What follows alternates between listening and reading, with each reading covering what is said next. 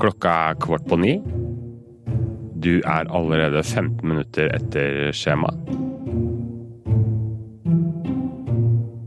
Du skal rekke et møte, og ungene skal i barnehage og skole. Og du kjenner ild på halsen og klamhet i panna. For på vei ut, i gangen, bare faller ungene sammen. De klasker i gulvet som blaute filler, fordi fireåringen absolutt vil ha på seg prinsessekjole, og åtteåringen går amok over at yndlingslua er til vask.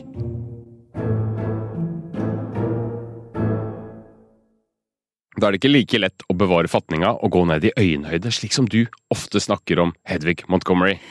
Det er jo eh, interessant. Det skjer i absolutt alle hjem. Et eller annet gjør at det tipper det der eh, feltet hvor du har kontroll. Og du kommer inn på det der ukjente, spisse feltet hvor eh, du ikke har kontroll. Og ja, da kan mye skje i de fleste familier. Men hvorfor oppstår sånne kollapser og sammenbrudd alltid på de mest ubeleilige tidspunkt?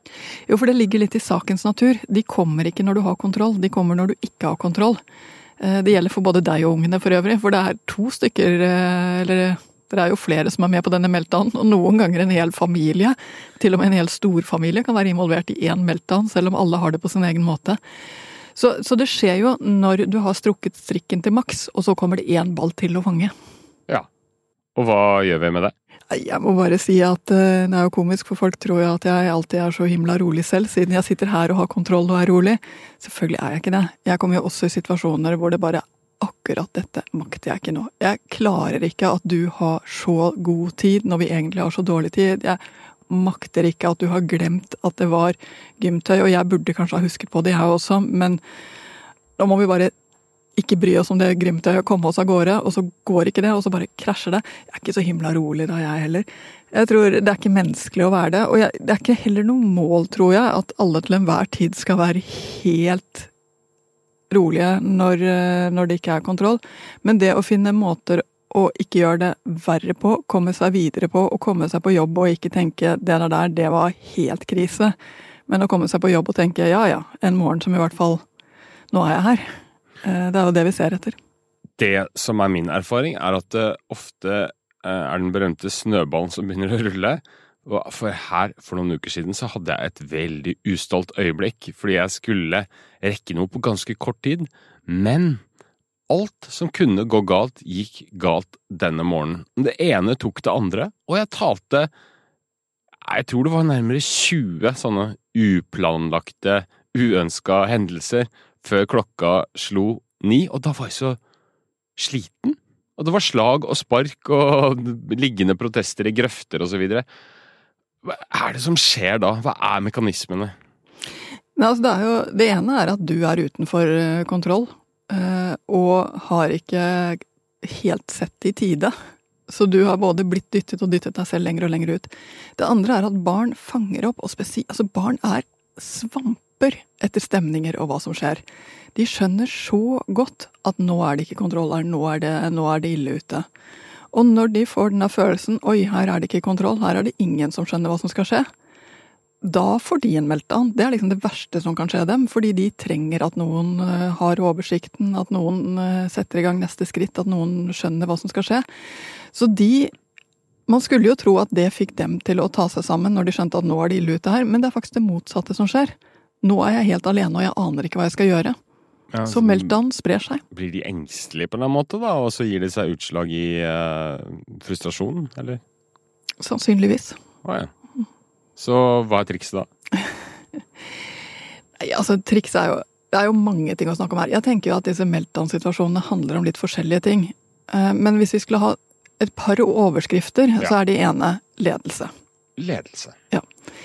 For det er ingen steder du har så behov for at ting er, har en eller annen form for planlegging, har en eller annen form for backup-plan, eh, og går sånn noenlunde på skinner som, eh, som i eh, disse spesielt tidlige morgenstimene. Det er egentlig bare én. Vi har én sånn rød time til i døgnet, og det er timen rett før middag. Mm. Det er, jeg er ikke noe i tvil om at det er de to timene som lager mest meltdowns. Det er nærmest meltdowns-produsenter rundt omkring i hjemmene. Eh, så det ene er rett og slett ledelse på å altså, ha en plan. Hvordan skal vi gjøre det? Eh, hvordan blir det best mulig for oss? Og her finnes det egentlig ikke noe helt sånn standardting, fordi det er litt forskjellig fra til familie til familie hva man spiser eller hva man trenger om morgenen eller når man skal være hvor. Eh, men når du merker at nå har det vært mye meltdown på straken her, gå gjennom hvordan det egentlig er denne, disse, denne timen ser ut. Hva gjør vi, hva kunne vi gjort annerledes? Det er på en måte et lederansvar. Mm. Det andre er at når det stormer, når du kjenner at oi, nå går det helt ut av kontroll her, så er den gode lederen da trekker opp pusten og tenker jeg får skaffe meg oversikt igjen. Jeg får eh, komme tilbake igjen i, eh, i lederposisjon. Um, så rett og slett å ha litt sånn hva er det for noen ting som trigger meg, hva er det for noen ting jeg skal gjøre når det skjer, ha tenkt igjennom de tingene, for det er du som har ansvar i disse situasjonene, aldri barna. Mm. Rett og slett. Og, og jeg syns også dette er en sånn individuell ting. Jeg har en, en god venninne med to nydelige jenter i barnehagealder. Men hun er litt Hun er ikke så glad i mye uforutsett. Hun er ikke så glad i mye bråk. Hun er ikke så glad i at uh, ting ikke går helt etter planen. Hun, hun, vil ha det akkurat på sin plan. Uh, og når krasjer dette? Jo, selvfølgelig på de store timene, men aller mest i barnebursdagssituasjoner. Mm -hmm. ja. mm. uh, og hun blir så stressa, så hun blir kjeftete, hun blir sint. Hun må gå rundt og unnskylde seg etterpå, som hun sier. Fordi det får henne helt, uh, helt til å bli vippet over uh, i et stressfelt hvor hun blir seg på sitt dårligste. Mm. Det er jo en utrolig ubehagelig følelse. Og jeg tenker det ene er at det sier noe om at store, mye lyd og, og mye, mye, kaos er ikke hennes favorittfelt. Andre håndterer det annerledes. Dette er ikke hennes felt. Bare å ha en litt sånn, kunne snakke om det gjør det faktisk litt lettere. Så kan hun smile litt skjevt og si nei, det er jo faktisk ikke mitt felt. Mm. Uh, og så kan vi snakke om det. Var det egentlig så krise at vegetarmaten ble spist av feil person, eller at uh, fiskedammen ble, kom litt før den skulle, eller at uh, Ja, altså hva, hva, var det egentlig som skjedde? Hvor ille var det? Altså, for at ved å ta litt tak i det som har skjedd, kan du gjøre deg selv litt klokere på de situasjonene. Bli litt klokere på hvordan du selv reagerer. For du reagerer jo så fort og så automatisk. Og akkurat når du står i den forte og raske og automatiske reaksjonen, da er det nesten for sent å stoppe den. Men etterpå så kan du få bedre tak om den. Hadde det trengt å være sånn. Så det er en kronglete vei til å bli litt klokere på seg selv og bli litt bedre leder i sin egen familie, som handler om å skjønne mer. Ok, Så må man evaluere og, og analysere i etterkant situasjonen. Hva var det som egentlig skjedde, og så prøve å gjøre det bedre neste gang? Eller? Ja, rett og slett. Eh, når det først har skjedd, som du innimellom har, eh, så er det altfor lett å gå i selvpiskingsfella. Åh, oh, jeg var så dårlig, og jeg var så forferdelig, og jeg må si unnskyld, og jeg var så fryktelig. Ja. Men det hjelper egentlig ikke så mange at du bare går dit. Eh, og det hjelper i hvert fall ikke for neste situasjon. Fordi du må til det neste skrittet som er ok, sånt skjer faktisk i alle familier, men hvordan kan vi få det litt sjeldnere hjemme hos oss? Hva var det som det gjorde med meg? Hvordan var det jeg reagerte? Hva kunne jeg gjort annerledes? Et problem er jo ofte tid, da at man eh, blir bare så oppkava og stressa fordi man har lite tid, og da utbasonerer man jo ting man ikke hadde tenkt å, å, å si og gjøre, og, og, gjør ofte alt feil. Absolutt, og det er også interessant, for vårt forhold til tid er også ganske individuelt. Noen er jo født med klokke i magen og blir veldig veldig stressa av å komme for sent. Eh, jeg har vokst opp med en far som Altså, hvis han ikke var tre minutter for tidlig så var det krise. Der lå liksom hans indre klokke. Men da er jeg også født med klokke i magen, tror jeg. Ja, ja, ikke sant. Og så har du andre som gjerne kommer dinglende 20 minutter for sent og lurer på hvorfor alle ser på dem. Her er jeg jo. Håpløse folk. ja, kan, kanskje. Eh, jeg har vel en, eh, etter hvert kommet frem til at verden trenger begge typene. Okay. Eh, men dette, så dette gjør noe. Og er du, er du en av dem med, med mye klokke i magen, så blir du jo veldig, veldig stressa. Eh, av, eh, av, å komme bakpå tidsmessig. Mm. Og må nesten hypnotisere deg selv til at det gjør faktisk ingenting. Ok, så er det jeg som kommer fem minutter for sent i dag. Den får jeg ta. Så det er gode gammeldagse tell til ti-aktige? Ja, nesten enda verre. Du må jobbe mot din egen natur her. Ja. Eh, og du må aktivt fortelle at det går også bra. Og de som alltid har eh, litt sånn ja, som har et veldig løst forhold til tiden, kan av og til trenge å minne seg selv på at det er faktisk lurt å være til stede på samlingsstunden, for barna trenger å få lov til å være med på den. Eh, så de må kanskje trekke den i andre retningen. Men de aller fleste av oss trenger nok å justere denne klokka vår innimellom.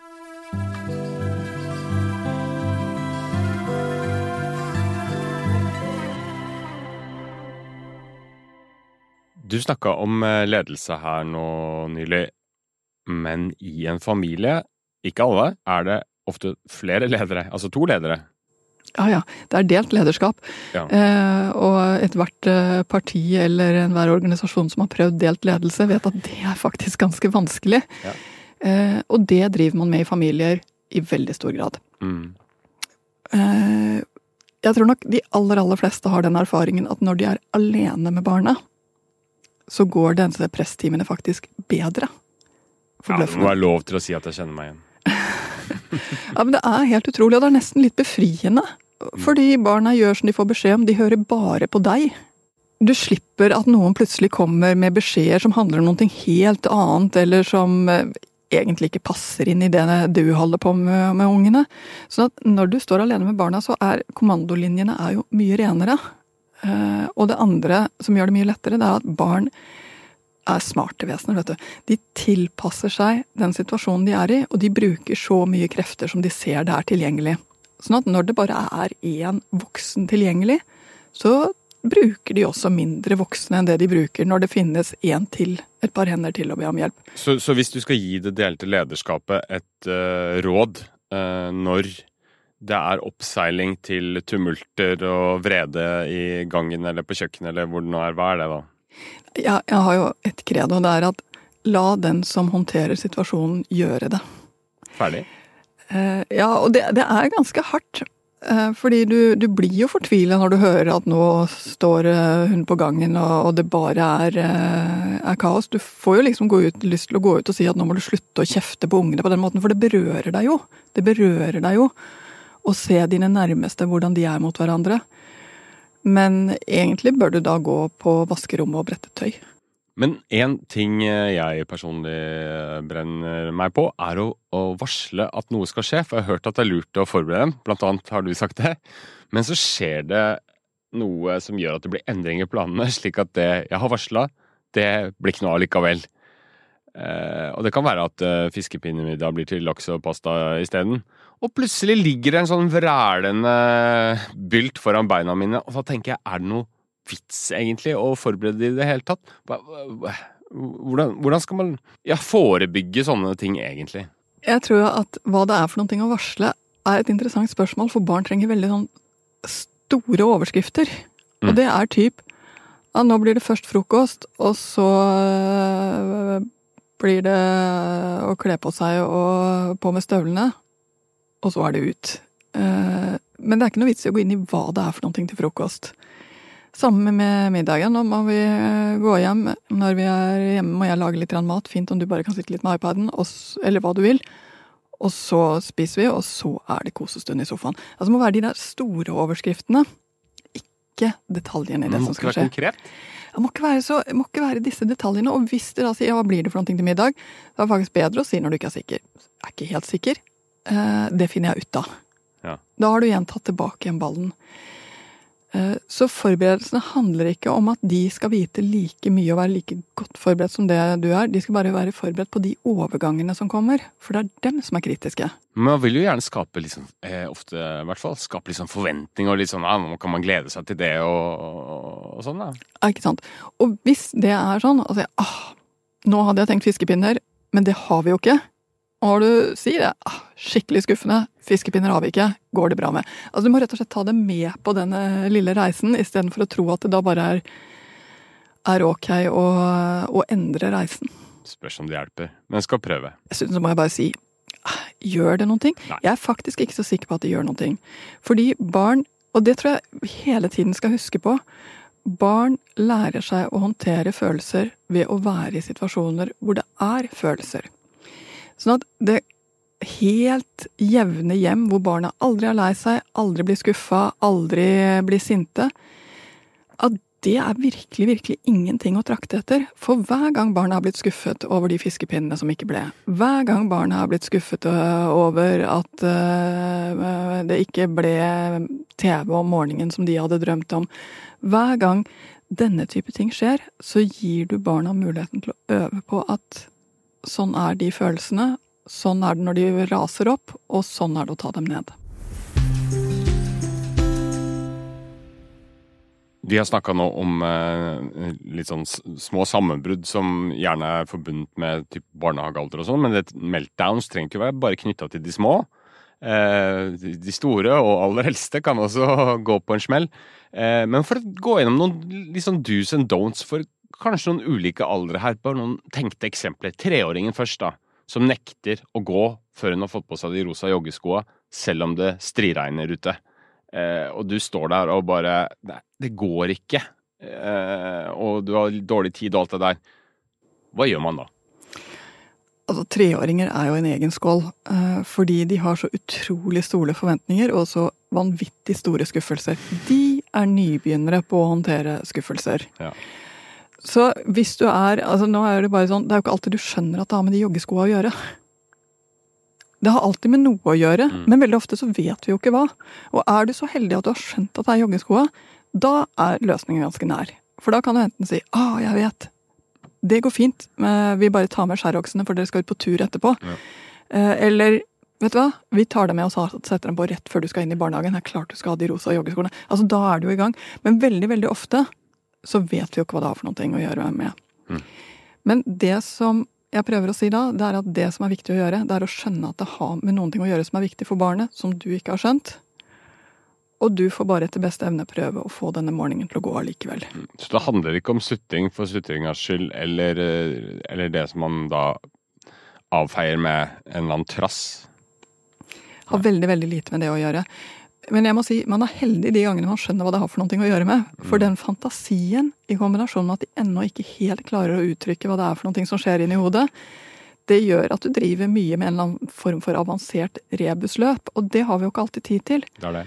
Så da må du tilbake igjen til ok, nå ble det sånn, vi får bare gjøre det beste ut av det. Nå eh, tar vi og prøver neste. Altså den der lille avledningstingen fungerer også fortsatt fint med treåringer. Jeg vet, nå ble allting feil, men du, nå tar vi og mm. Skjønner, skjønner. Hvis vi går litt opp da, til en, for eksempel en åtteåring da, som bare reagerer med å tømme ranseren, løpe inn på rommet sitt fordi den feteste lua han har, er til vask, som vi var inne på innledningsvis. Um, hva gjør man med de? Altså, det er jo interessant hvordan denne alderen her plutselig så, handler så mye om å være riktig. Altså, de begynner å se på de mhm. andre og sammenligne seg med de andre. Samtidig så har de kjempedårlig kontroll på egne følelser. Mm. Fortsatt. Mm. Og det er så rart, for vi forventer egentlig litt mer av dem. Men de er dårlige på å ta nederlag. Fordi det å miste ansikt, det er det verste som kan skje i denne alderen her en niåring som, eh, som, havner i en uh, situasjon hvor de føler seg sett på og skamma ut, det er det verste som kan skje. Mm. Hjemme så er ikke det så farlig. Så det ene å huske på, det er at dette skjer hjemme, men det skjer i mye, mye mindre grad ute. Mm. Mm. Så denne frykten vi får for at herligheten, hvordan skal det gå, han kommer jo alltid til å mm, Den kan du legge til side. Dette er også en fase som barnet skal gjennom og som ikke kommer til å sitte der når han er 22 og skal ut og jobbe.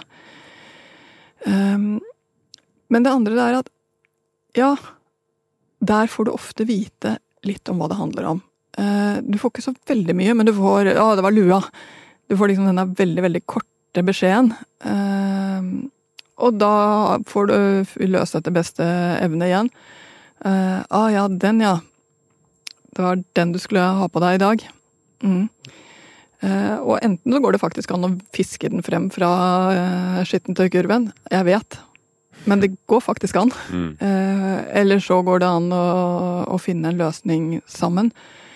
Her er det jo virkelig stresset som gjør at du ikke får til, og at du syns at barnet er urimelig. Men hvis du bare har en liten idé om at igjen, det er faktisk viktig For henne betyr denne lua noen ting. Da er det mye, mye lettere å møte det på en måte som funker. Jeg har lovt noen don'ts her, og hva er don'ts i denne don't, i denne sammenheng? Ja, må jeg jo bare si at det å gjøre lua til et moralsk spørsmål eh, Det går ikke an å bli så opphengt i hva du har på huet. Du kan ikke være så opptatt av hvordan du ser ut. Eh, ta den prekenen der. Gjør i hvert fall ikke at det går fortere over. Men det er veldig fort å ty til. Ja ja, klart det. Eh, og har du gjort det, så so be it. Men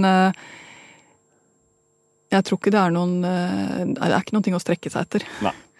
Ok, La oss ta noen år til opp, da. 13-åringen for eksempel, som klikker fordi søsteren blikker han over middagsbordet og smeller inn i døra og bare stikker.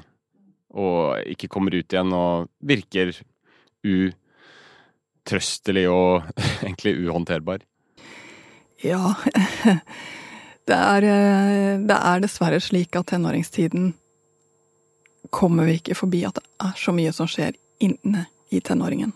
Det er så massive ting å bli vant til med seg selv, og så massive ting å få armene rundt, at dette kommer nok til å skje. Det er veldig få familier det ikke skjer i.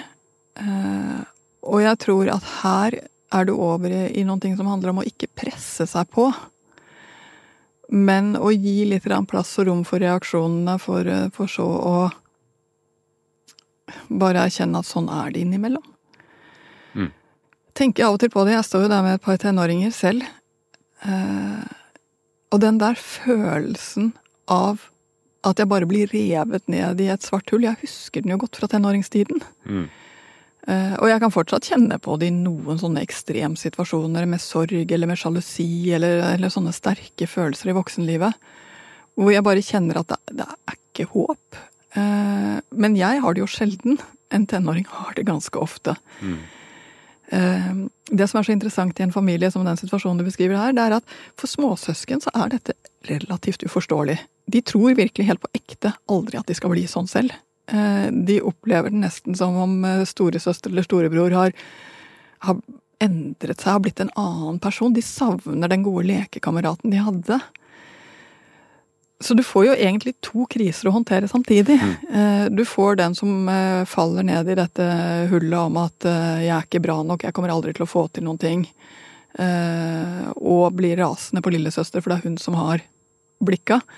Og så sitter du med en lillesøster som bare ikke skjønner hva det var for noe som traff, og som blir kjempelei seg over en som hun ser opp til, som, som hakker ned på henne. Så i en, i, en, i en, helt vanlig tenåringsfamilie så er dette altså dette er rett og slett ongoing. Dette er sånt som skjer. Mm. Dette er sånt som er eh, Som egentlig krever at du skjønner begge to. Og at du klarer å tenke dette er ingenting som handler om meg. Igjen, hva er det man absolutt ikke skal gjøre? Eh, si, ta, bruke anledningen til å holde den store moralpreken. Mm. Uh, og det betyr ikke at du aldri skal holde moralprekener. Det er bare at du skal aldri gjøre det når situasjonen er oppkavet. Nettopp. Sånn at senere, når, eh, når, det er ro igjen, når den eh, ettermiddagen har gått og det er drukket en kopp kakao eller hva det er for noe som har vært hyggeligere, så går det faktisk an å si at du, jeg vet at du blir kjemperasende på lillesøster, men hun blir skikkelig lei seg av det. Uh, og jeg vet ikke helt hvordan du skulle gjort det annerledes, men jeg vet ikke, det fungerte i hvert fall ikke så bra, syns jeg. Altså, det går an å, å, dytte litt i riktig retning og, og vise frem at lillesøster også er en ålreit person. Og det går an å ha tilsvarende med lillesøster. Du i stad. Jeg skjønner at det der er superirriterende, men det har virkelig ingenting med deg å gjøre. Det er sånt som eh, går over. Og storesøster er en skikkelig, skikkelig bra jente. Mm. Så ikke ta det opp mens det brenner, egentlig? Ja, for mens det brenner, ingenting går ned. Det er som når noen prøver å, å snakke til deg når du står der midt i den kaosgangen om morgenen hvor eh, barna er geléklumper. Det er ikke da du trenger å få en preken om hvordan du burde ha vært som forelder. Og da kommer vi jo tilbake til det der med det delte lederskapet. Hva kan du si om det? Nei, altså jeg tror at når vi kommer til meltdown-situasjoner, så er vi jo mer enn oss selv. Vi står der og er en liten familie.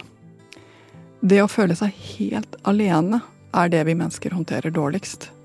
Og det å bli ikke forstått er det som gjør oss enda dårligere utgaver av oss selv. Så det å prøve å forstå ungene sine, prøve å forstå kjæresten sin, og det å også gi seg selv litt slack, altså ble det sånn det ble. Av og til har vi ikke noe bedre. Det er verdt å huske på når det er oppseilinger på gang i gangen. Vi takker for at du hørte på. Følg oss gjerne på Instagram, der du også kan eh, stille spørsmål f.eks., eller komme med forslag til temaer vi kan ta opp. Det kan du også gjøre via Facebook-gruppa Foreldrekoden. Meld deg inn der. Utover det, ha en deilig uke. Vi er tilbake neste mandag.